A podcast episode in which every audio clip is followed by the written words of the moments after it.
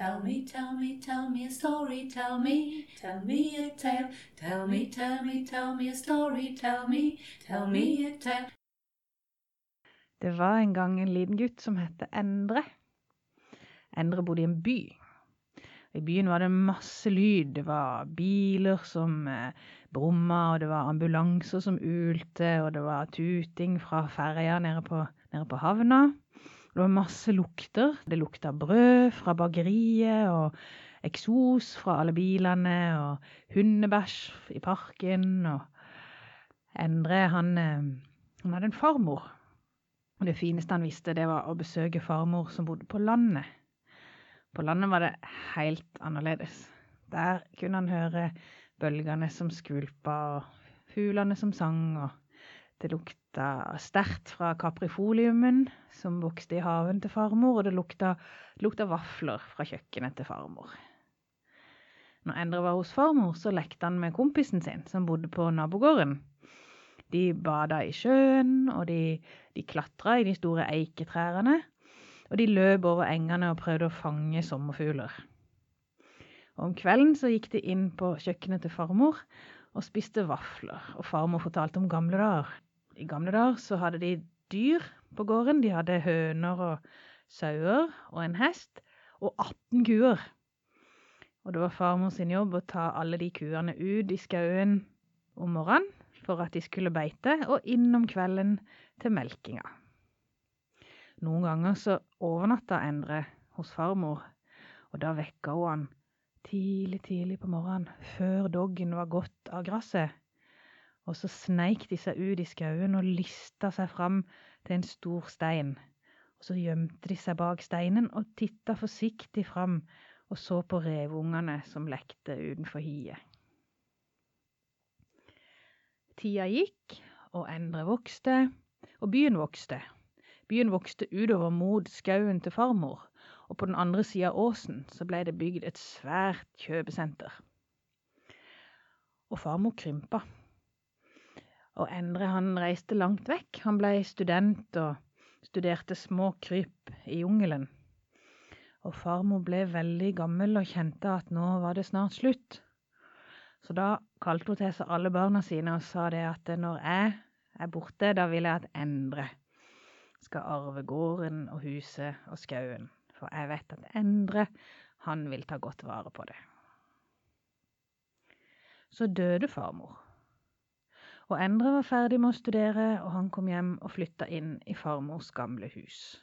Og han var trist fordi farmor var død, men han var litt stolt også, for nå var det han som hadde ansvaret for gården og for skauen og for revungene. Første kvelden Endre bodde i farmor sitt hus, så banka det på døra. Og utenfor så sto det en mann med en kjempestor øks. Og han sa, Hei, er du den nye grunneieren? Eh, jeg kan hogge alle trærne, og så kan vi selge tømmeret og tjene masse penger. Nei, jeg har ikke tenkt å hogge alle trærne, sa Endre. Å, du har sikkert hørt at, at tømmerprisene er veldig lave nå, sånn at ikke det lønner seg å hogge. Men, men den fine eikeskauen din, det blir bra pris på det tømmeret, jeg lover deg. Hvis bare jeg hogger, så deler vi fortjenesten, sa mannen. Nei takk, sa Endre, og så lukka han døra. Neste kveld så banka det på døra igjen, og utenfor så sto det to menn med dress og slips og svarte sånne blankpussa sko uten en flekk. Og de sa god dag, har vi gleden av å snakke med den nye grunneieren. Vi representerer et utbyggingsselskap. Vi vil gjerne kjøpe tomter av det og bygge hus her i skauen. Eh, nei takk, sa Endre. Å, men hør, hvis du selger tomter til oss, så kan du tjene masse penger, og i tillegg så kan du få det største og fineste huset vi skal bygge, med, eh, med hjemmekino og innendørs svømmebasseng. Hm, sa Endre. Men så kom han på noe. Men, men revungene mine, da? Hvor skal de bo hvis dere bygger hus overalt i skauen? Hør nå her, sa mennene. Når du blir rik, så kan du gå i dyreparken hver dag. Der har de masse dyr. De har løver og, og tigre og kameler og sånn. De har sikkert en gammel rev også. Nei takk, jeg er ikke interessert, sa Endre og lukka døra. Og neste dag så banka det på døra igjen, og utenfor sto det tre menn med dress og slips og svarte blankpussa sko uten en flekk, og de sa god dag, vi representerer kjøpesenteret på den andre sida av åsen. Vi har tenkt å utvide, og derfor så vil vi gjerne kjøpe, kjøpe tomta di. Nei takk, sa Endre. Å, min gode mann, vi har hørt at det har vært interessenter her før oss, sa mennene. Uansett hvor mye du er bytt tilbudt for dette området, så dobler vi prisen. Ja, men jeg er ikke interessert, sa Endre. Å, du er god til å forhandle, sa mennene. Uh, uansett hvor mye du er tilbudt, så tredobler vi prisen for dette området. Tenk deg godt om nå, du kan bli meget rik. Jeg vil ikke bli rik! Marte Ultvedtmo, velkommen til Fortellerradio. Takk. Det er virkelig en glede til å ha deg her. Jeg koser meg. Jeg har hørt den fortellingen før, men jeg koser meg med det hver gang. Hvor i all verden har du fått den fra? Det kommer jo Altså, Endre fins jo. Og han bor i farmors gamle hus i Kristiansand. Og da jeg var leder for Naturvernforbundet i Kristiansand, så jobba jeg tett sammen med Endre og de andre grunneierne for å få lagd et naturreservat. Og det var en lang og seig eh, prosess som tok mange år. Men vi vant til slutt, og så ble Nedre Timenes naturreservat oppretta av kongen i statsråd. Og så var jeg på et fortellerkurs for mange år siden, og så skulle vi jobbe med eh, egne fortellinger. Og så plutselig så bare kom det til meg som et eventyr. Det var en gang en liten gutt som het Endre. Og så ble det bare Det, det var jo det er jo egentlig et eventyr som endte godt, sånn som eventyr skal. Mm, mm, Og så bare ble det en hel et helt lite eventyr av det. mm. Det er veldig gøy å fortelle det for barn. Ja, ja, ikke sant? Jeg ser det for meg når du forteller, at det passer veldig bra for barn. Marte, jeg lurer på hvordan har det falt inn at du har blitt forteller? Hvordan har det blitt at du har kunnet se at en historie, en historisk hendelse, et menneske, kan gjøres om til et eventyr? Har du vokst opp med fortelling? Hvordan har det blitt et frø som har vokst i deg? Jeg trodde egentlig at muntlig fortelling var noe jeg hadde oppdaget sjøl som, som, voksen. Jeg er lærerbarn, ikke sant. Jeg vokste opp i et hus med bokhyller overalt. Det var veldig mye lesing. Men så har jeg funnet ut at både mamma og mormor er jo egentlig sånne naturlige fortellere. Det var ikke sånn 'kom og sett deg her, så skal jeg fortelle et eventyr om prinsessa og trollet' og sånn, men det var mer sånne små historier. sånn. Mamma fortalte f.eks. For om, om Gandhi i India. Gandhi skulle reise med toget.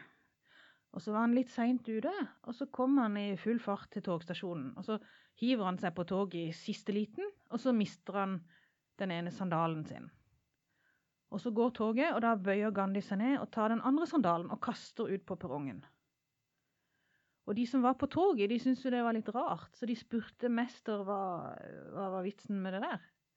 Og så svarte Gandhi Eh, jo, hvis det kommer en fattig person til denne togstasjonen som ikke har sko, så har de jo ikke noe bruk for bare én sandal. Og jeg vet jo ikke om det er en sann historie, men den, lærte, ga meg noen veldig sterke bilder både om Gandhi og om India. Ikke sant? Mm, mm. Og, og mormor fortalte om krigen. Og ikke sånne dramatiske ting med sabotasje og sånn, men sånne hverdagslige ting Mormor kom fra en ganske velstående familie i Haugesund. Og så gifta hun seg under krigen eh, og flytta til Skien, hvor mannen hadde fått jobb. Og så fikk de et barn. Så bodde de i en litt sånn stusslig leieleilighet. Og mormor kokte bleier på komfyren og stoppa strømper og sto i kø i butikken og ordna med disse rasjoneringsmerkene og sånn. Og så var det en vinter at det ikke var nok poteter i Skien. En vinter under krigen. Og de hadde rasjoneringsmerker. De kunne kjøpe så og så mange kilo poteter i uka. Men det hjelper ikke med de merkene hvis butikkene ikke har poteter. Så etter veldig mye om og men og åging og kø og sånn og sånn, så hadde mormor fått tak i noen sekker med kålrabi. Og der som mormor kom fra, der var kålrabi egentlig kufôr. Men hvis du ikke har poteter, da, men du har kålrabi, og det er krig, så spiser du kålrabi. Så mormor vrei huet sitt hver dag for å finne forskjellige måter å tilberede denne her kålrabien på. Og etter hvert så ble det slutt på smøret, så hun stekte kålrabibiffer i tran. Eh, og så utpå på slutten av vinteren, så til slutt så sier hun til mannen sin at hvis jeg må spise mer kålrabi nå, så begynner jeg å si mø. Og mormor fortalte den historien mange ganger, og så når jeg ble voksen, så kom jeg over ei bok som heter noe sånn som 'Hverdagsliv under krigen'. Mm. Og der står alt sånn. Det står om rasjoneringsmerker og strømpestopping og blendingsgardiner og, og sånne ting. Og når jeg satt og bladde i den boka, så tenkte jeg hæ? Hvorfor har noen lagd bok om dette her? Vet ikke alle det? Og, så, og det er en veldig viktig bok, som samler masse kvinneerfaringer, åssen det var å leve i Norge under krigen. Eh, Men, men så, sterkt, så sterke var de fortellingene til mormor at jeg trodde det var noe alle visste. Mm. Så, så jeg har det nok med meg som en sånn arv fra, Mm. fra de to fortellerne hjemme. Ja, og er det noe med at de var damer, liksom? Hvordan har det spilt noen rolle? Jeg vet ikke. Det er jo veldig, veldig mye fortellinger om menn. Og mye fine fortellinger, mye viktige fortellinger. Jeg, jeg forteller ofte om kong Midas. Alt han tok i blei til gull. Og det er litt sånn, kanskje litt sånn misforstått i vår tid, det høres så fint ut. Men det er egentlig en veldig alvorlig historie som advarer mot grådighet. Og jeg vil fortelle om kong Midas, Mm. selv om det bare er menn i den fortellinga om kong Midas. Men noen, som feminist så, så er det jo veldig gøy noen ganger å vri på historier. Jeg husker godt hvor befriende det var å lese den, den serien som heter Norsk eventyrbibliotek. For der er det så tydelig at det finnes mange versjoner av alle de eventyrene vi kjenner fra Asbjørnsen og Moe. Så det er eksempel eh, Smørbukk. Det er en sånn versjon hvor Smørbukk er ei lita jente som blir putta i sekken til trollet. Og når jeg leste den første gang, hårene bare reiste seg i nakken min. Altså, det ble en helt annen fortelling når det er ei jente som blir lurt av trollet tre ganger. Så, så jeg har på en måte tillatt meg sjøl å, å, å vri på noen av de gamle historiene, da. Så for eksempel så lir jeg veldig godt å fortelle eventyr om Tommeliten fra Brødrene Grim. Bare at, at det er mammaen til Tommeliten som er hovedpersonen, og ikke guttungen. Og da blir det en helt annen historie. Ikke sant? Det var en veldig lett fødsel. Men det var veldig vanskelig å få til amminga, da. For han var jo så liten. Men hun fant ut av det. Ja, det blir sånn mye Kan legge masse kvinneerfaringer inn i, inn i det gamle tyske gutteeventyret. Mm, mm. Ja, sånn syns jeg er veldig gøy. Ja. Og tror du at det ga deg mot at uh, mamma og bestemor fortalte for deg? At du kunne bruke stemmen din selv? Ja, det kan være. Det er, for meg har det vært sånn selvfølgelig. Jenter kan også Jeg er storesøster, ikke sant. Jenter kan også ta plass og lage lyd. Ja Nei, jeg vet ikke. Ja, Marte Ultvedt Mo. Eh, Jeg heter Georgiana Kibo, og jeg intervjuer deg i dag også fordi du er en heltinne for meg. Du har levd av lokal mat, og det er ikke så lett i Norge. Du har overlevd uten bil med to barn, og det er på en måte veldig utenkelig for mange. Jeg har sett eh, den bakken hvor du må sykle opp og ned, og eh, du har startet reparasjonsverksted i Kristiansand. Du har vært leder i um, Naturvernforbundet i Kristiansand, og nå er du bystyrerepresentant for Miljøpartiet De Grønne. Så mye av livet ditt er en fortelling. Fordi du gjør ting. Du lever ut dine ideer. Er det behov da for fortelling når du lever dem? Alle trenger jo fortellinger til inspirasjon og Ja, til en sånn høyere himmel over det vi, det vi driver med.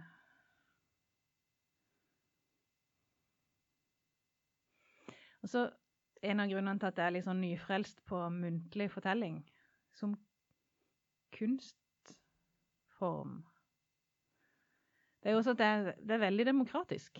Alle kan fortelle. Jeg kjenner en svensk forteller som sier at mange av disse andre kunstformene er på en måte stjålet fra vanlige folk. Altså, De fleste av oss danser ikke, men vi ser profesjonelle dansere på TV. Og veldig mange av oss synger ikke, men vi hører på profesjonelle musikere hver dag. Stadig vekk. Og de fleste av oss tegner ikke og maler ikke. Barn gjør det, men voksne henger opp på veggen sånne fine ting som andre har lagd. Men alle forteller. Alle mennesker har, kan. Og vet du hva som skjedde på butikken i dag? Det var, da var det noen som knuste et glass med syltetøy så det spruta overalt. Eller vet du hva, jeg har hørt kusina mi sa det at sønnen hennes bla, bla, bla. Ikke sant? Mm. Alle de der småfortellingene, det der hverdagslige, det Alle har det. Alle kan bruke det. Mm. Uansett hvor Om du sitter i rullestol eller er blakk eller Ikke sant. Uansett så kan alle Det er en sånn veldig menneskelig og veldig demokratisk over det å fortelle. Og så er det veldig inspirerende med de som er profesjonelle og eh, kjempegode og tar det til sånne høyder som vi alminnelige amatører bare kan drømme om. Ja, fordi man trenger ikke noe stæsj, ikke sant. Man trenger ikke noe scene, man trenger ikke kostyme. Nei. Som, man trenger ikke manus. Nei. Og, og samtidig så er det Du kan bruke det til så veldig mye, da. Altså hvordan roe ned 15 unger på en barnebursdag. Fortelle et eventyr. Mm. Hvordan bli kjent med ungene til en slektning du ikke ser så ofte. Mm. Det er å begynne å gjette gåter med de. Så blir man kjent kjempefort. Og hva skal du gi til svigermor som har alt? Jo, en fortelling. Har du gjort det? Ja. Hvordan gikk det? Hun var kjempefornøyd. Ja, så bra. Så deilig. Så heldig hun var. Ja, jeg føler også at eh, du har en veldig At fellesskapet er veldig viktig for deg. Jeg vet at du har startet en kor og en fortellerkafé. Eh, Kan du si litt mer om det? Jeg er jo jeg er ikke profesjonell, og så driver jeg med fortelling, og så er jeg ikke musiker, og så har jeg starta et kor, og så er jeg ikke kokk, og så har jeg utgitt kokebok. Liksom, Profesjonell, ikke det er sånn jeg driver med, da. Fusker i andres fag. Men det, det koret handler om at jeg var jeg var utvekslingsstudent i Tsjekkoslovakia i 1991 og lærte ganske mye tsjekkisk. Og det aller meste har jeg glemt. Men noe av det som sitter, er liksom sangene. Så den høsten 2015, når det kom masse flyktninger fra Syria til Kristiansand, eh, så hadde jeg så veldig lyst til å bruke sang til å lære vekk norsk språk. For jeg, jeg tror det er en veldig sånn dyp måte å lære på. Så sammen med Human-Etisk Forbund i Kristiansand så har vi da starta dette her bitte lille koret som heter Syng på norsk. Eh, Men det viktigste er nok antagelig kaffepausen, og det at vi kan snakke sammen og dele litt historier om åssen vi har det og sånn. Og så har jeg vært med å starte Fortellerkafé Kristiansand sammen med Hilde Eskil, som bor i Lillesand, og hun er vel Sørlandets eneste profesjonelle forteller. Hun er et stort forbilde for meg. Også Theis Irgens, som har tatt fortellerutdannelsen på det som ja, Høgskolen i Oslo, sier jeg, pleier jeg å kalle den. Så vi tre har lyst til å vise fram måte noe av det beste muntlig fortelling kan være i Kristiansand. Så vi har starta litt forsiktig. Vi har hatt to fortellerkafeer på biblioteket. Og invitert ja, noen flinke til å være med oss. Og de andre vil ikke ha en rød tråd på fortellerkafeen. Og det syns jeg er veldig stressende. Veldig rart at ikke vi har et tema. Et tema kan jo være hva som helst. Det kan være identitet, eller det kan være sko, eller altså hva som helst. Men de andre vil ikke ha en, en rød tråd. Vi skal bare komme, så skal vi fortelle en historie som er viktig for oss å fortelle. Mm. Det har vi, vi har bare gjort det to ganger, men det har blitt forbausende bra, da. Og forbausende mye sammenhenger likevel. Det viser seg at ting henger sammen, selv om det ikke er sånn yeah. nøye planlagt eller yeah. tematisert. Ja, historie begynner å snakke med hverandre. Ja, Yeah. det er gøy. det er helt magisk. Mm. En annen veldig viktig streng på buen din, på harpen din, det er at du er biolog. Og det har også vært veldig inspirerende for meg. Og har hjulpet meg til å ville fortelle om trær, og se på det som en fortellingsemne. Kan du si noe om det?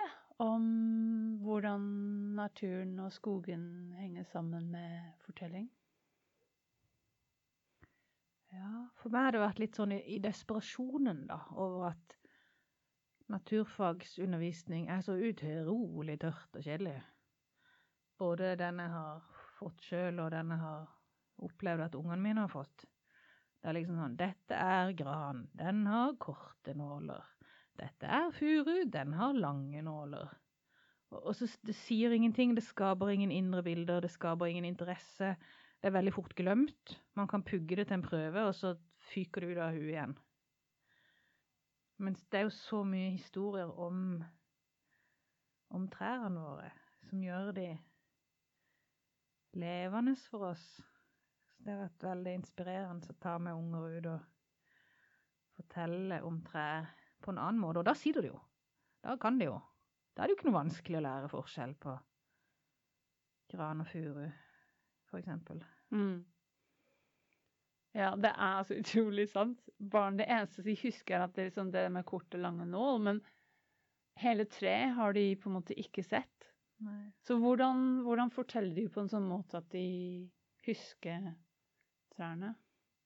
Jeg er veldig glad i ospa. Osp, det er jo sånn høyreiste, rette, slanke trær med sånn grå bark. Og så runde blader, egentlig ganske små, kulerunde blader. Og så er det mye fortellinger om ospa. For i, bare det kommer sånn lite vindpust, så risler alle alle bladene. Det blir sånn susing i ospa. Selv om de andre trærne kanskje står helt stille, så, så, så, så hører du det suset i ospa. Vi kaller det at ospa skjelver. Så det er en sånn gammel historie om at, eh, om at jomfru Maria var ute og gikk. Og så begynte det å regne, og så søkte hun ly under et ospetre. Men ospa klarte ikke å stå stille. Den bare sto og skalv, sånn at jomfru Maria ble blaud. Og så sa hun da til, til straff så skal du stå og skjelve all din dag.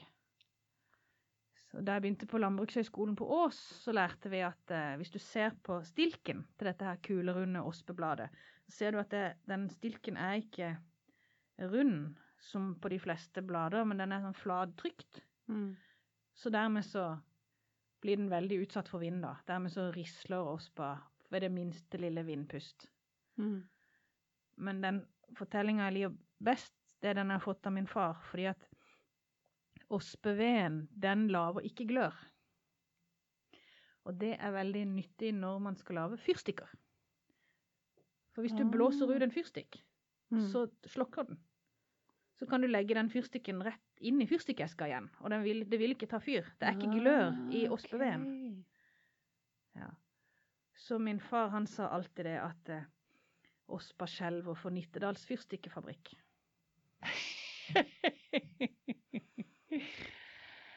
Jeg må innrømme at jeg har litt imot de eh, skjelvehistoriene, for det er mange av dem om ospen. Fordi Jeg, jeg syns ikke det stemmer, så når jeg er ute og går sammen med barn, så spør jeg dem ofte hvordan føler du det treet har det? Og når de ser ospen skjelver i vinden, så sier de veldig ofte den er lykkelig. Fordi det ser ikke at det, er, at det er skremt, at det er redd. Det ser ut som en sånn riste glede. At den danser og koser Ja, seg. Ja, ja.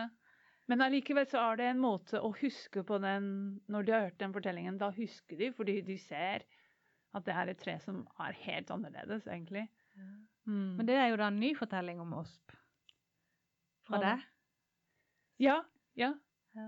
Og sånn har det jo alltid vært òg, at fortellinger vandrer, og de blir litt vridd på, og de får nye valører. og Mm. synes det, er, det er veldig gøy å fortelle om eh, reven, ikke sant, som vil ha tak i rognebæra. Og så står den under rognetreet og hopper og når ikke opp, ikke sant. Og så Mm. sier reven ja ja, høyt henger de, og sure er de. Mm. Eh, men rognebær er jo sure. Ja. Men det er jo en fortelling fra Esops fabler, som egentlig handler om at reven prøvde å få tak i druer. ja, stemmer. Og druer er jo søtt og godt, men Mm. reven er bare irritert, så han får ikke tak i det. Så han sier at ja ja, det smaker, det, de er sikkert bare vonde. Ja. Så den har en helt annen betydning. Okay. Men du kan ikke fortelle om reven og druene på tur i Norge, for her vokser det ikke druer. Ja. Så har fortellingen fått en helt annen, Vri. annen vri. Ja, ja, ja. ja. Oi, det, det har jeg ikke egentlig tenkt på, selv om jeg visste det. Åh, de er så søte. Rognebær. Jeg syns de ser ut som bitte små epler. Ja, de gjør det. De er jo i slekt. Det er rosefamilien. Både yeah. epler og rogn. Ja. Og min erfaring er at barn er veldig Når man begynner å si de er i slekt, og det er den og den familien, det er også virkelig treffer barn. Det er noe som de Ja, har de en familie? Ja. Og så er det veldig gøy, å så spør de OK, kan dere finne et einebær? Mm. Ja ja, alle finner et einebær. Liksom Mm. einebærbusken, og så de der små, blå bærene. Og så spør jeg Men det er noen busker som ikke har bær. Hvorfor det? Mm. Det er alltid noen busker som ikke har et eneste bær. Ja, ja. Og så kommer det sånne ville teorier, da. Yeah. Og den er, den er syk, og den vil ikke, og yeah. eh, den er for ung, eller den er for gammel, sånn. ja. ja. Men det er jo fordi det er hanner. ja. Hanner kan jo ikke Mm. få barn. Eller de kan spre genene sine, men de kan ikke lage frukt, sånn som hundene kan. ja. Så blir det helt sånn Hæ? Kan trær være gutter og jenter? ja. Det, noen trær kan det. Og noen trær er gutter og jenter på en gang. Ja, ja. ja. Nei, men jeg tror, jeg, jeg tror det var faktisk deg som uh, fikk meg til å skjønne det. At, uh, at dette var helt genialt å bruke med barn. Så det spør jeg når jeg forteller om den store gammel eik nede i, i Tønsberg. Og så er jeg Jeg går i rolle som eiken, og så spør jeg liksom Er jeg mann eller dame? Og så kommer disse teoriene. Ja, ja, faktisk begge deler. Og så når det er på våren, og de har sånn bitte små røde blomster her er, Så kan jeg vise her er jenteblomstene, og her er gutterakler. Det er så gøy. Ja Forteller du på en måte mm, litt mer sammenhengende biologisk eller botaniske fortellinger også? Hva mener du med men, unnskyld. Jeg- Jeg mener Du har fortalt på en måte Du gir bilde på at dette er en jente, eller dette er en gutt, eller dette er i slekt, det er i en familie. Men lager du da en større fortelling om et tre? Om hvordan det er, sånn at vi forstår det botaniske som ligger i det? Jeg vet ikke om jeg helt skjønner spørsmålet, men jeg kan prøve, prøve å svare én retning, så får du si om det stemmer. For eksempel selja, da. Som er veldig fin nå. Den står med gåsunger og liksom lyser. Men Om sommeren er selja litt sånn anonym, det er bare en sånn her buskas med masse grønne blader på. Men om våren så er jo den det fineste treet. Da lirer jeg veldig godt å fortelle historien om en, en norsk zoolog som reiste til mm, Svalbard for å studere sånn dyrs tilpasning til arktisk klima og sånn. og han jobb, det var dyr han jobba med, og han drev og telte Telte og ordna og sånn. Og så gikk han og undra seg så veldig over disse seljene som kunne blomstre mens det var frost i bakken. Åssen går det an? Det er ingenting annet som blomstra, bare selja. Og så så jo han som var zoolog, hvor viktig selja var for humler og Mm. fugler og Mm. veldig mange av de dyrene som flyr tidlig på våren. Der er det jo lite mat å finne. Så selja er på en måte frokosten yeah. til veldig mange insekter. Og fordi det er så mye insekter der, så er det også viktig for fugler å finne mat i seljetreet. Så selv om han egentlig var zoolog, så brukte han masse tid på å forske på selja og prøve å finne ut åssen den kunne klare å blomstre når det var så kaldt. Han prøvde å klippe av alle Altså, gåsungene er jo sånn lodne, myke og deilige, så han prøvde å klippe av alle hårene.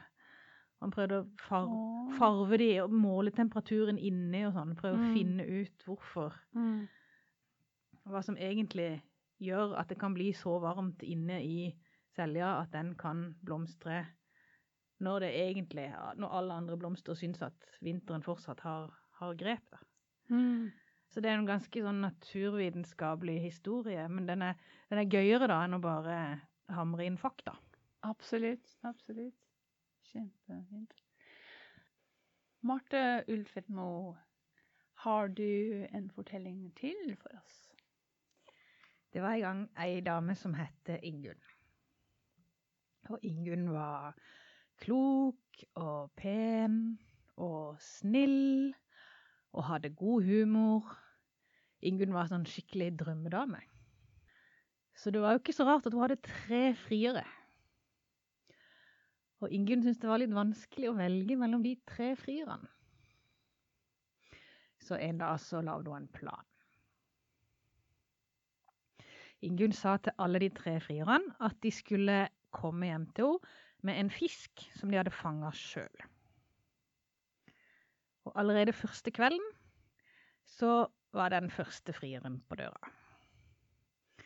Han var høy og blond og blåøyd, og han hadde med seg en, eh, en svær torsk som han hadde tatt på stang ute ved der storhavet bruser mot land. Oi, det var en flott torsk, sa Ingunn. Hva, hva skal vi gjøre med den, sånn at den varer lengst mulig? Ja, sa frieren, vi kan jo vi kan skjære ut noen fine fileter og lage middag til bare du og meg. Og så resten kan vi jo Vi kan tørke det.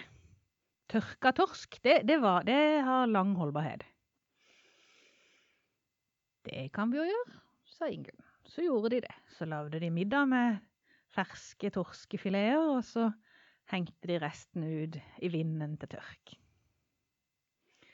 Neste dag så kom den andre frieren på døra. Han hadde med seg en diger laks som han hadde tatt på stang i selveste lakseelva. Oi, det var en flott laks, sa Ingunn. Åssen syns du vi skal tilberede den sånn at den varer lengst mulig? Ja, sa frieren, først så kan vi skjære ut noen sånne fine koteletter og steike til en spesiell middag til bare du og meg.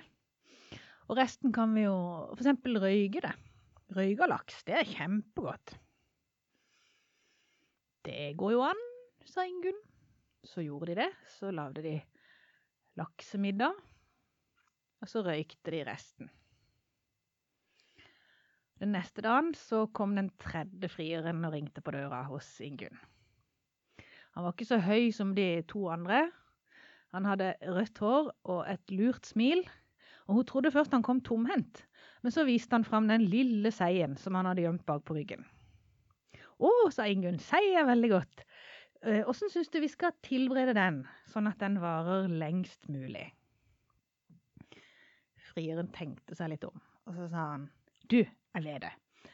Vi, vi renser seien, og så tar vi skinn og bein og hue og sånn, og koker kraft på det. Og så kanskje du har litt sånn poteter og gulrøtter og løk og, og purre, så tar vi den største gryta du har.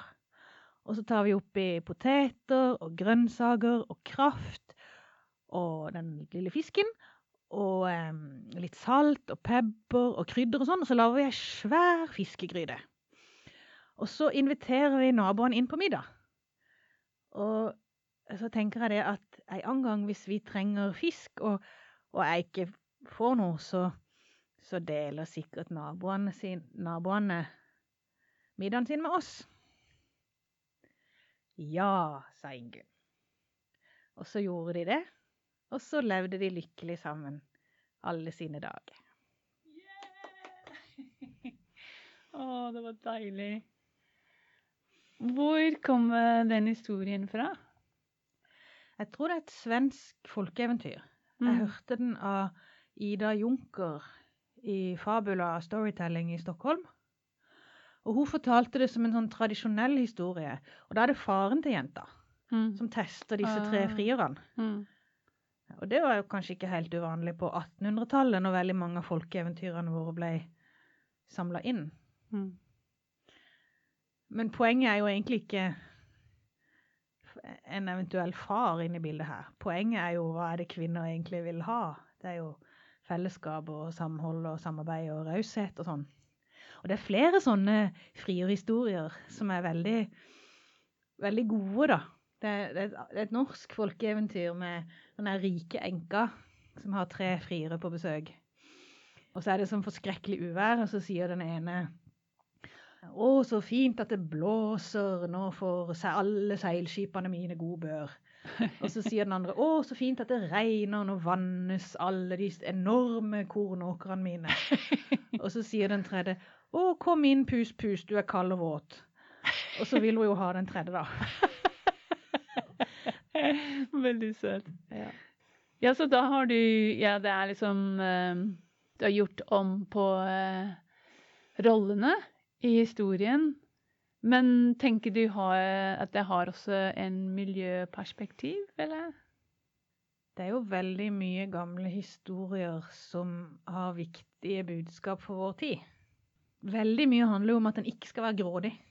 At grådighet, det er ja, det er syndig, og da, da går det skikkelig galt for de som prøver å karre til seg mest mulig til seg sjøl. Mens de som deler og samarbeider og hører på gamle kjerringer, det er de det går bra med.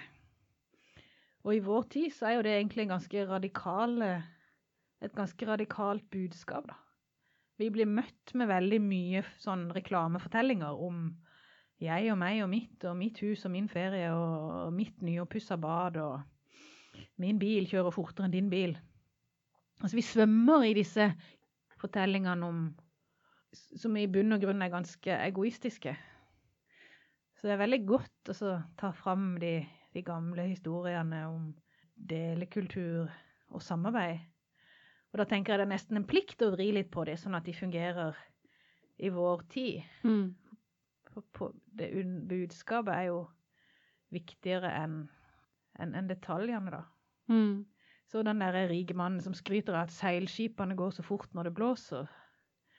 Det kunne vi jo også gjort om til en eller annen rik investor som var veldig fornøyd med dette uværet, for da går vindmøllene veldig fort. Eller, altså det er mange måter å få fram samme underliggende Mm. historie på. Sånn Mm. syns jeg det er, det er litt frekt og veldig gøy yeah. å vri på gamle fortellinger og bruke de i vår tid.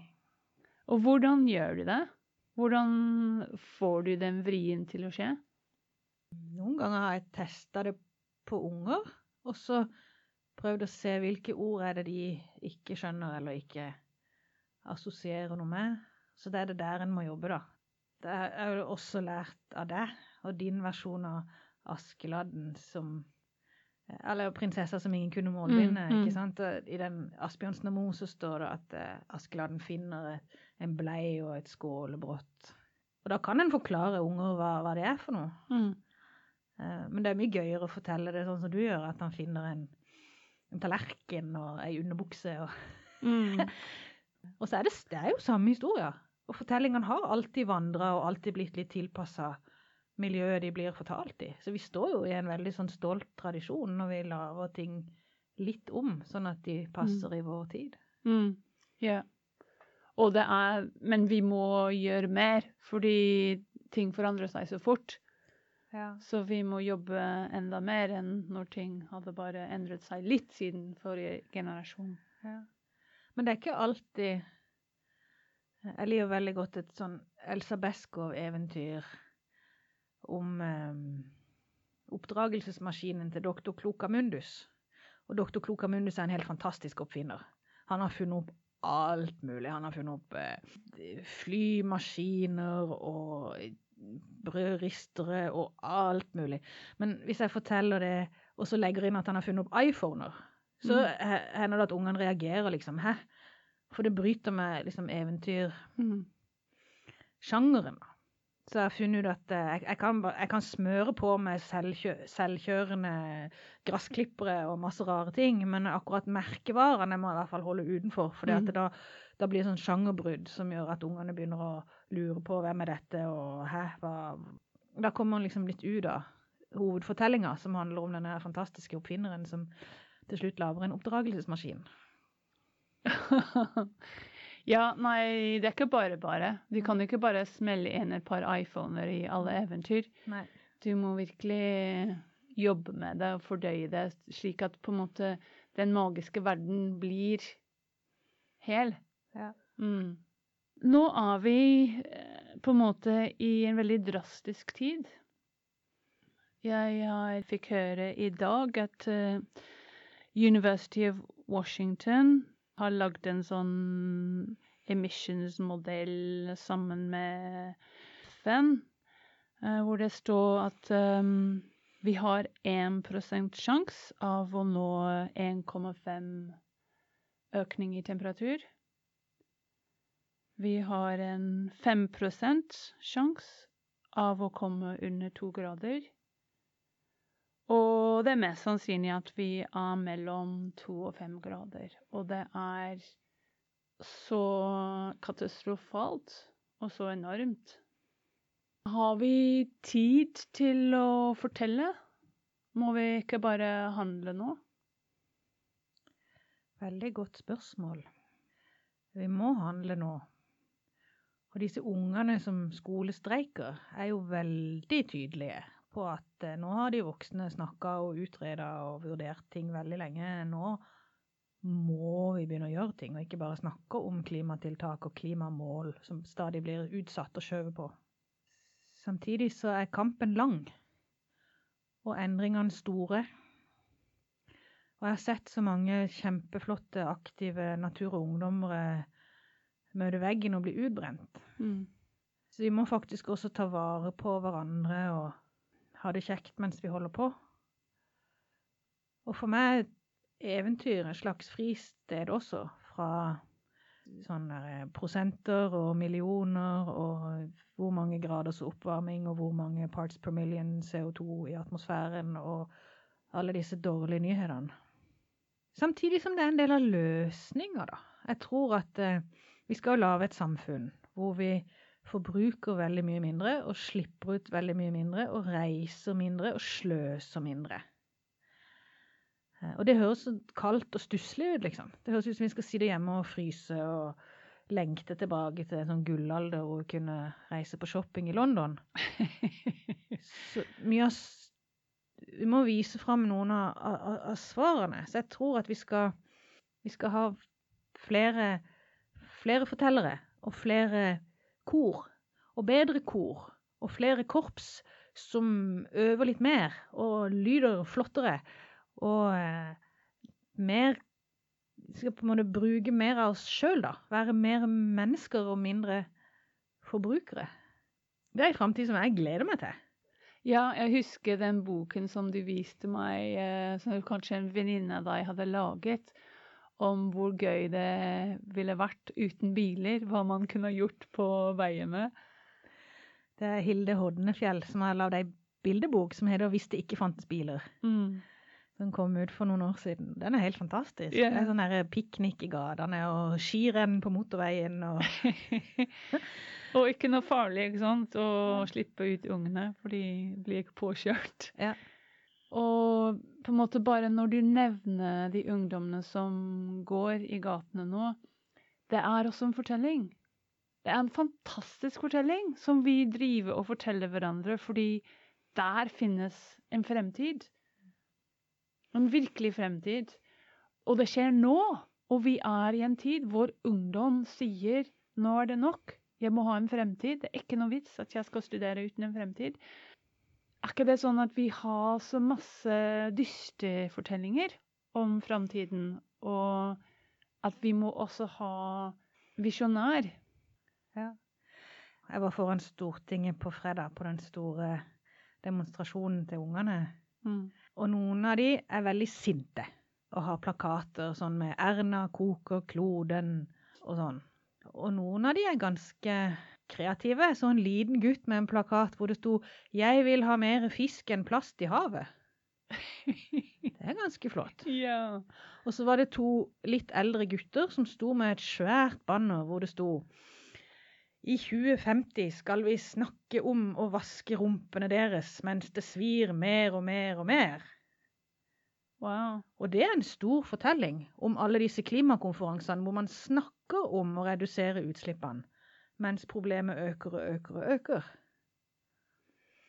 Og så midt oppi dette havet av unger og foreldre og masse politi som passer på, og sånn, så går det en gutt med en stor rød plakat hvor det står 'Gratulerer med dagen, Lars'. Og jeg ble så glad av den røde plakaten. Det var så godt at det var lov å leke litt også, yeah, midt oppi yeah. alt alvoret. Mm. Mm. Ja, kanskje det Jeg må kanskje Ja, jeg tror jeg kommer til å fortelle om den dagen på Eidsvolls plass i lang tid framover, fordi det var så mye inntrykk. Ikke sant? Og det slår meg nå når du forteller om det, at du har lagd en fortelling om det allerede. Det skjedde på fredag, og nå er det søndag, og du lager en fortelling. Men sånn gjør vi alle sammen. Vi Mm. er, alle mennesker er fortellere, og det er det som er så fantastisk. Ja, men hva forteller vi om? Ja, det er mange som forteller om oppussinga si. Den fortellinga er jeg veldig lei av, altså. Hvor fint det ble i stua, så nå skal de pusse opp badet. Mm. Så hva kan du fortelle om for å få en annen vri på oppussingsfortellingen? Ja, nei, det har jeg lurt mye på. Men så er det jo mye trøst i de der fortellingene om røyking, da. Altså, når jeg var barn. Ingen av mine foreldre røykte.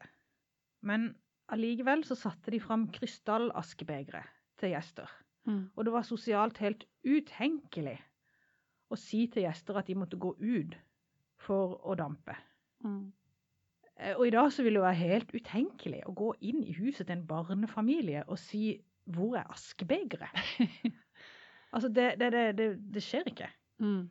Og veldig mange røykere røyker jo ikke hjemme. De går Mm. ut på verandaen eller ut på sider på trappa eller eh, Og den endringa har skjedd fort. Det er noen sånne fortellinger òg som gir håp. Da. Ja, jeg syns også den reparasjonsverksted som du har startet i Kristiansand, Marte Ultvedmo, er en inspirasjon for meg. Fordi jeg, jeg tror det finnes en reparasjonsglede i oss alle sammen. Det er så utrolig tilfredsstillende. Mm. Kan du fortelle litt mer om det? Det begynte med at vi fikk idé om å lage en sånn reparatørguide. Altså hvor er reparatørene i Kristiansand? Hvor er de, og hva kan de reparere? Så Miljøpartiet De Grønne i Kristiansand ba om tips da, av våre medlemmer og gjennom Facebook-sida og, og sånn. Og så gikk vi og snakka med noen reparatører, og så hadde de tips til noen andre reparatører. og sånn, sånn. Så ble det så mye større enn vi hadde trodd. Hmm. Så først, første versjon av reparatørplakaten for Kristiansand viste 44 små Wow. bedrifter som kunne reparere alt mulig fra fioliner til sykler. Hæ. Og så var det så gøy å, å vise fram denne her. Fordi at eh, hvis jeg snakka med folk som var eldre enn meg, da, 40 år og oppover, liksom, så kom det med en gang et eller annet sånn depressivt. Ja, før i tida så kunne man reppe. Skomakeren min er død. Altså, det kom så mye sånne liksom «Mm, Dette går ikke allikevel, og huffa meg, og Hm. Men hvis jeg viste den til folk som var yngre enn meg sjøl, så ble de helt sånn fyr og flamme. Hva?! Det er fantastisk! Det er utrolig! Fins det 44 reparatørbedrifter i Kristiansand? Jeg ante det ikke! Hæ? Fin, har vi en skomager i byen? Så kult! Jeg, han skal jeg besøke. Jeg har et problem med den ene vinterskoen min. Altså sånn wow-effekt av, av Mm. noe så enkelt da, som en, en, liksom en liste med hvor uh, du finner uh, forskjellige verksteder i byen. Så det balla liksom litt på seg. Så har Mm. vi hatt eh, fiksefest for elektronikk, og så har vi hatt reparatørshow. Eh, du vet sånn moteshow, sånn som det er på amerikanske filmer med sånne tynne modeller som går på Mm. catwalken, og så er det noen sånn høy musikk, og så er det en eller annen konferansier som sier noe gøy. Så vi lagde det da i Kristiansand, bare at det var reparatørene som gikk på catwalken. Med ting som de hadde reparert. Ja, noen av de hadde med og viste yeah. fram litt, grann, og så var det liksom stinn brakke og full jubel. Wow. Eh, og de var så nervøse, de var helt hvite i fjeset og skalv før de skulle ut på denne her eh, catwalken da. For de er jo vant til å få kjeft, ikke sant? Hæ, Mm. er det så dyrt å fikse den her klokka? Ja. Ja, jeg kjøper heller en ny. Yeah. Eh, så det å liksom stå, gå ut der og, og bli hylla Mm. fordi de kan reparere. Og så etterpå fikk alle hver sin sånn store button hvor det står 'Jeg kan reparere'. Eh, og så var det gratis for de i kafeen, så fikk de gratis kaffe og muffins. Mm. Eh, og det, altså bare det å bli satt pris på, da. Mm. Bare at, det, at noen sier 'wow, dere gjør en kjempeviktig jobb'. Det er kompetansearbeidsplasser som burde styrkes og støttes og løftes og gullforgylles. Mm. Men også at vi lagde en møteplass for dem. Altså når reparatørshowet var over og vi begynte å rydde og sånn, så sto det igjen fire mennesker. Det var to colombianere som driver ei lita systue i Kristiansand. Og så var det en, eh, en sånn bitte liten afghaner som halter og tydelig har en del helseproblemer, da, men drifter ei systue med fem ansatte i Kristiansand. Og så var det hos Linda, som har drevet brudesalongen på Vennesla i mange år. Men nå har lagt ned den der og starta systue i byen. Og de fire menneskene der hadde åpenbart aldri møtt hverandre før. Mm. Og de sto og snakka så intenst. Wow. De er jo kolleger, ikke sant? De sto og snakka så intenst, og de verken hørte eller så. Og til slutt så måtte vi liksom kaste de ut. For mange av reparatørene er, jobber i, litt sånn ensomt. Og Mm. jobber mye helg og kveld og aleine i et sånn lite lokale og, og sånn. Så det har vært veldig gøy å bli kjent med de og på en måte prøve å løfte det som, som bransje. Og veldig inspirerende å se hvor mye Altså, ja, vi har mista mye. Det var mye mer kompetanse Mm. på reparasjoner på 50-tallet i Norge enn det er i dag. Men det er ikke borte. Det Mm. er veldig mye som er der ute. Mm. Det er veldig mye sånne rare mennesker som har glede av å fikse og skru og sy og få ting til. Så det gjelder å bruke dem, og løfte dem, og heie på de, eh, og få det der til å vokse. Mm. Det er en fin fortelling. OK, jeg har litt gaver til deg. Dette er eh, laurbladet som jeg har dyrket hjemme. Du kan kanskje faktisk plante det hvis du vil. For den, den fikk jeg tak, Jeg tok bare en liten sånn gren. Vokser den i Norge? Det, dette er inne i Norge, ja. Ja. Mm. Laurbær. Wow. Og så er det fra mine kjære høner. en liten gave fra dem, som de produserer hele vinteren. Uten strøm. De bare klarer det inne i drivhuset. Som er lagd av gamle vinduer, som jeg har i hagen. Kan ikke du fortelle litt mer om det du har gjort med lokal mat? Altså, i framtida så vi trenger å lage et eh, lavenergisamfunn hvor både vi mennesker fyker mye mindre rundt omkring i verden, om potetene våre og eggene våre og de tinga, maten vi trenger, har reist kortere. Så da jeg jobba i Naturvernforbundet, så bare bestemte jeg meg for at jeg skulle ha en måned hvor jeg bare spiste mat fra Agder-fylkene og Skagerrak, da, sjøen hos oss. Eh, Min mann var veldig skeptisk, fordi han eh, var redd jeg skulle forby han å drikke kaffe, og det hadde gått veldig dårlig. Eh, Men eh, han, jeg gjorde ikke det, altså. Han fikk lov å ha kaffen sin. Og ungene var veldig entusiastiske, for de så for seg en hel måned hvor de skulle bare spise sørlandschips og ingenting annet. Så der var det full jubel. Og jeg regnet jo med at det skulle bli mye fisk og poteter, da. Fisk og poteter og poteter og fisk. Men når jeg først kom i gang, så var det faktisk utrolig masse godt. Og det, altså, det er jo ikke praktisk i lang tid å bare spise lokalmat og bruke all tida si på å finne produsenter og hente eh, litt her og litt der, og så lage all mat fra bunnen av. Altså, jeg kunne gjøre det den ene måneden fordi jeg bestemte meg, og det var jobben min den måneden, og så blogga jeg om alt jeg gjorde og fikk videre tips og sånn. Men det var veldig inspirerende å finne så mye mer enn jeg hadde trodd. Og så var jeg redd for å savne krydder, eksempel. Men jeg fant jo jeg fant to sitrontrær på Sørlandet. Det ene i drivhuset på Hestnes gartneri i Grimstad, og det andre i fjellhallen på Lindesnes fyr. Det, altså, de kan jo ikke produsere nok sitroner. Jeg fikk tigga til meg yeah. sånn. Men som et sånn eksempel på hvor mye som går an. Og så var jeg redd for å savne pepper. Men det er faktisk en del krydderurter som har litt sånn samme funksjon som Mm. pepper. da. For eksempel em, blomkarse. Den er sånn Mm. skarp. Den har litt samme effekten i en salat som det å bruke pepperkverna over. Mm. Og så er det en urt som heter sar, som også blir kalt for fattigmannspepper. Så hvis man koker bønner sammen med sar, så savner man ikke pebberet som har reist langt. Og igjen, poenget mitt er ikke at vi ikke skal kjøpe pebber fra India, men at det er veldig spennende å oppdage hva som fins der vi bor, og tvinge seg til å oppleve nye ting, istedenfor Mm. bare å gå den vanlige ruta inn, inn i butikken. Mm. Ja, jeg, jeg tror jeg har spist hos deg den gangen, og det var veldig godt. Vi hadde sopp som du hadde spart på og tørket og mm. Ja, vi har tid, Marte Ulfed Maa, til en sist fortelling. Kan du huske den gamle historien om kong Midas? Det er jo fra den store greske dikteren Ovid, som eh, skrev bøkene sine omtrent eh, ved starten av vår tidsregning. Ovid forteller om kong Midas og alt han tok på blei til gull. Det var veldig gøy en eh, kort stund. Så gikk det veldig galt. Han skulle spise, ikke sant, og brødet blei til gull. Han skulle drikke, og vannet blei til gull, og han ble mer og mer desperat. Så kong Midas angra og fikk omgjort dette ønsket, og ble fri fra den forbannelsen det var at alt han tok på, blei til gull. Men Ovid forteller også om hva som skjedde etterpå. Etter at kong Midas hadde fått skrekken. Etterpå det så var han ikke lenger så veldig interessert i å sitte i det kongelige skattkammeret og telle gullpenger. Så ofte han kunne, så eh, tok han på seg vanlige klær og sneik seg ut av slottet og streifa omkring i skauen.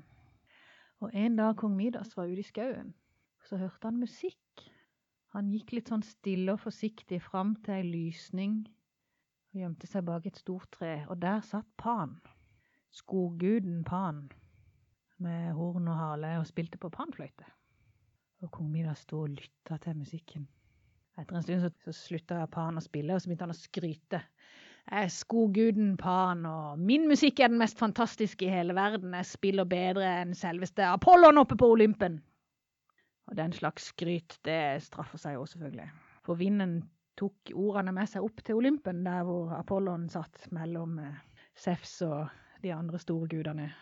Apollon ble rasende og reiste ned til skauen og sa, Pan, jeg hørte ditt skryt, nå skal vi ha en konkurranse. Nå skal vi finne ut en gang for alle hvem som er best til å spille, og fjellet her skal dømme. Pan hadde ikke noe valg, så han begynte å spille igjen.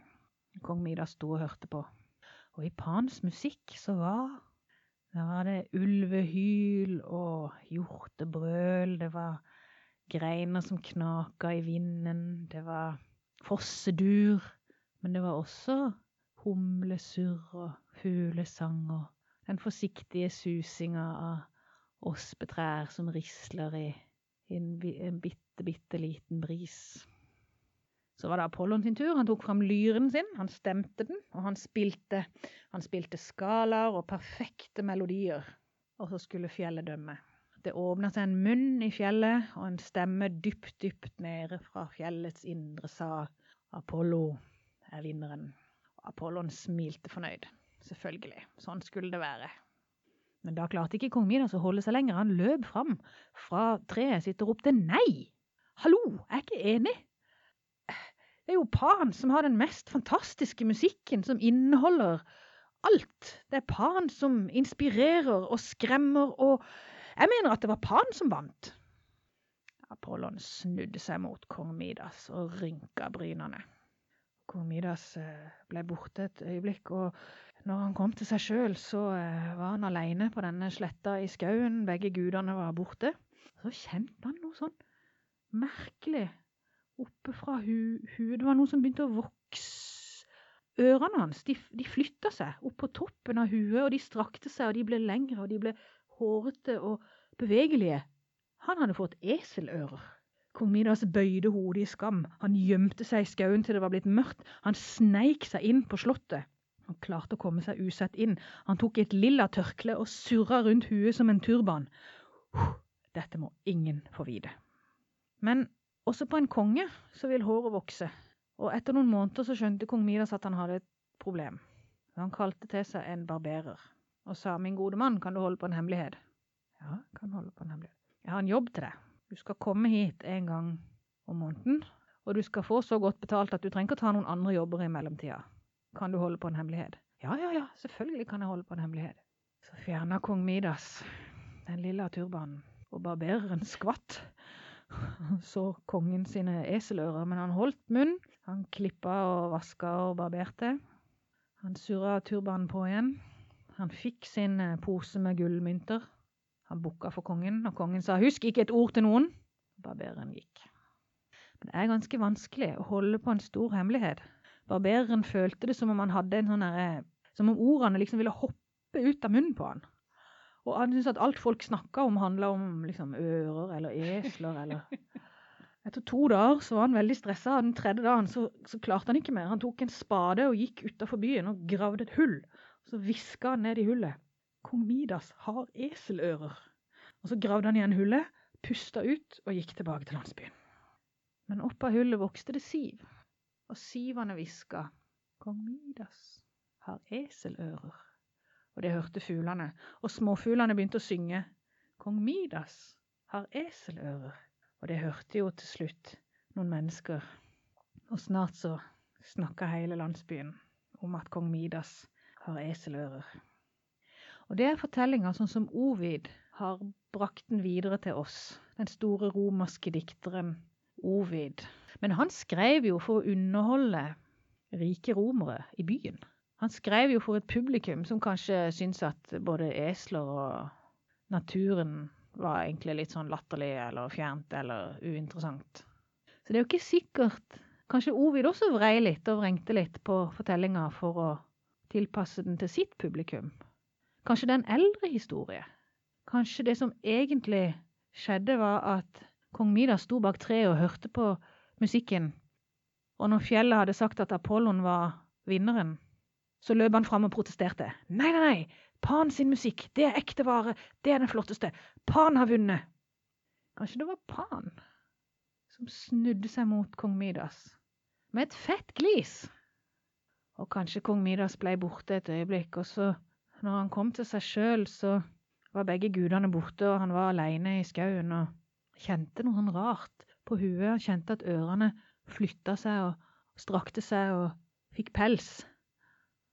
Og kanskje han opplevde at wow, jeg kan, kan høre langt jeg kan, jeg kan, høre ulvehyl langt borte, jeg kan høre fosseduren, jeg kan høre, kan høre greiner som knager i vinden, jeg kan høre, kan høre humlene som surrer på enga. Kanskje kong Midas blei så glad over belønninga fra Pan. Kanskje han blei så lykkelig at han gjorde et hopp, og så gikk stolt tilbake til slottet sitt med eselørene som en kongekrone. Tusen takk, Marte Ulfed Moe, for en nydelig fortelling. Marte har bedt meg om å fortelle at hun fikk den versjonen fra Hugh Latten, den store britiske fortelleren som har jobbet veldig mye med gresk mytologi, og som kommer også til å være her på Fortellerradio om noen uker. Og nå klarte jeg å ikke si det, men grunnen til at den historien er så viktig for meg, Mm.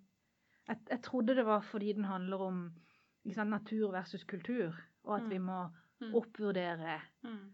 våre venner, dyrene og trærne og fuglene og Mm, mm. humlene og sånn. Mm. Men i, i tillegg til det, så er det jo en fortelling om meg. For jeg fikk høreapparat når jeg var gikk i syvende klasse. Og jeg var rasende og fortvila, og jeg grein, og jeg ville ikke ha det, og jeg prøvde å anlegge håret sånn at det ikke skulle synes, og ikke sant, sånn, sånn, sånn. Det tok så lang tid å skjønne fordelene og velsignelsen med det høreapparatet. Det tok så lang tid å komme dit at jeg kunne liksom ta håret i hestehale og tenke at eh, egentlig er det jo meg som er heldig. For hvis det er mye bråk eller mye vond lyd, så kan jeg ta det av. Og hvis det er et eller annet som er veldig vanskelig å høre, så vi, vi må finne ut av hva er den lyden, så kan jeg skru opp lyden, så hører jeg bedre enn det. Mm. Så det er jo egentlig mine eselører. I dag det var ved Georgiana Kiebel, og tusen takk til tekniker Ingmar Nilsen. Storytell, storytell. Tell it to connect and tell it to compel. Tell a story badly, tell a story well. Storytell, storytell.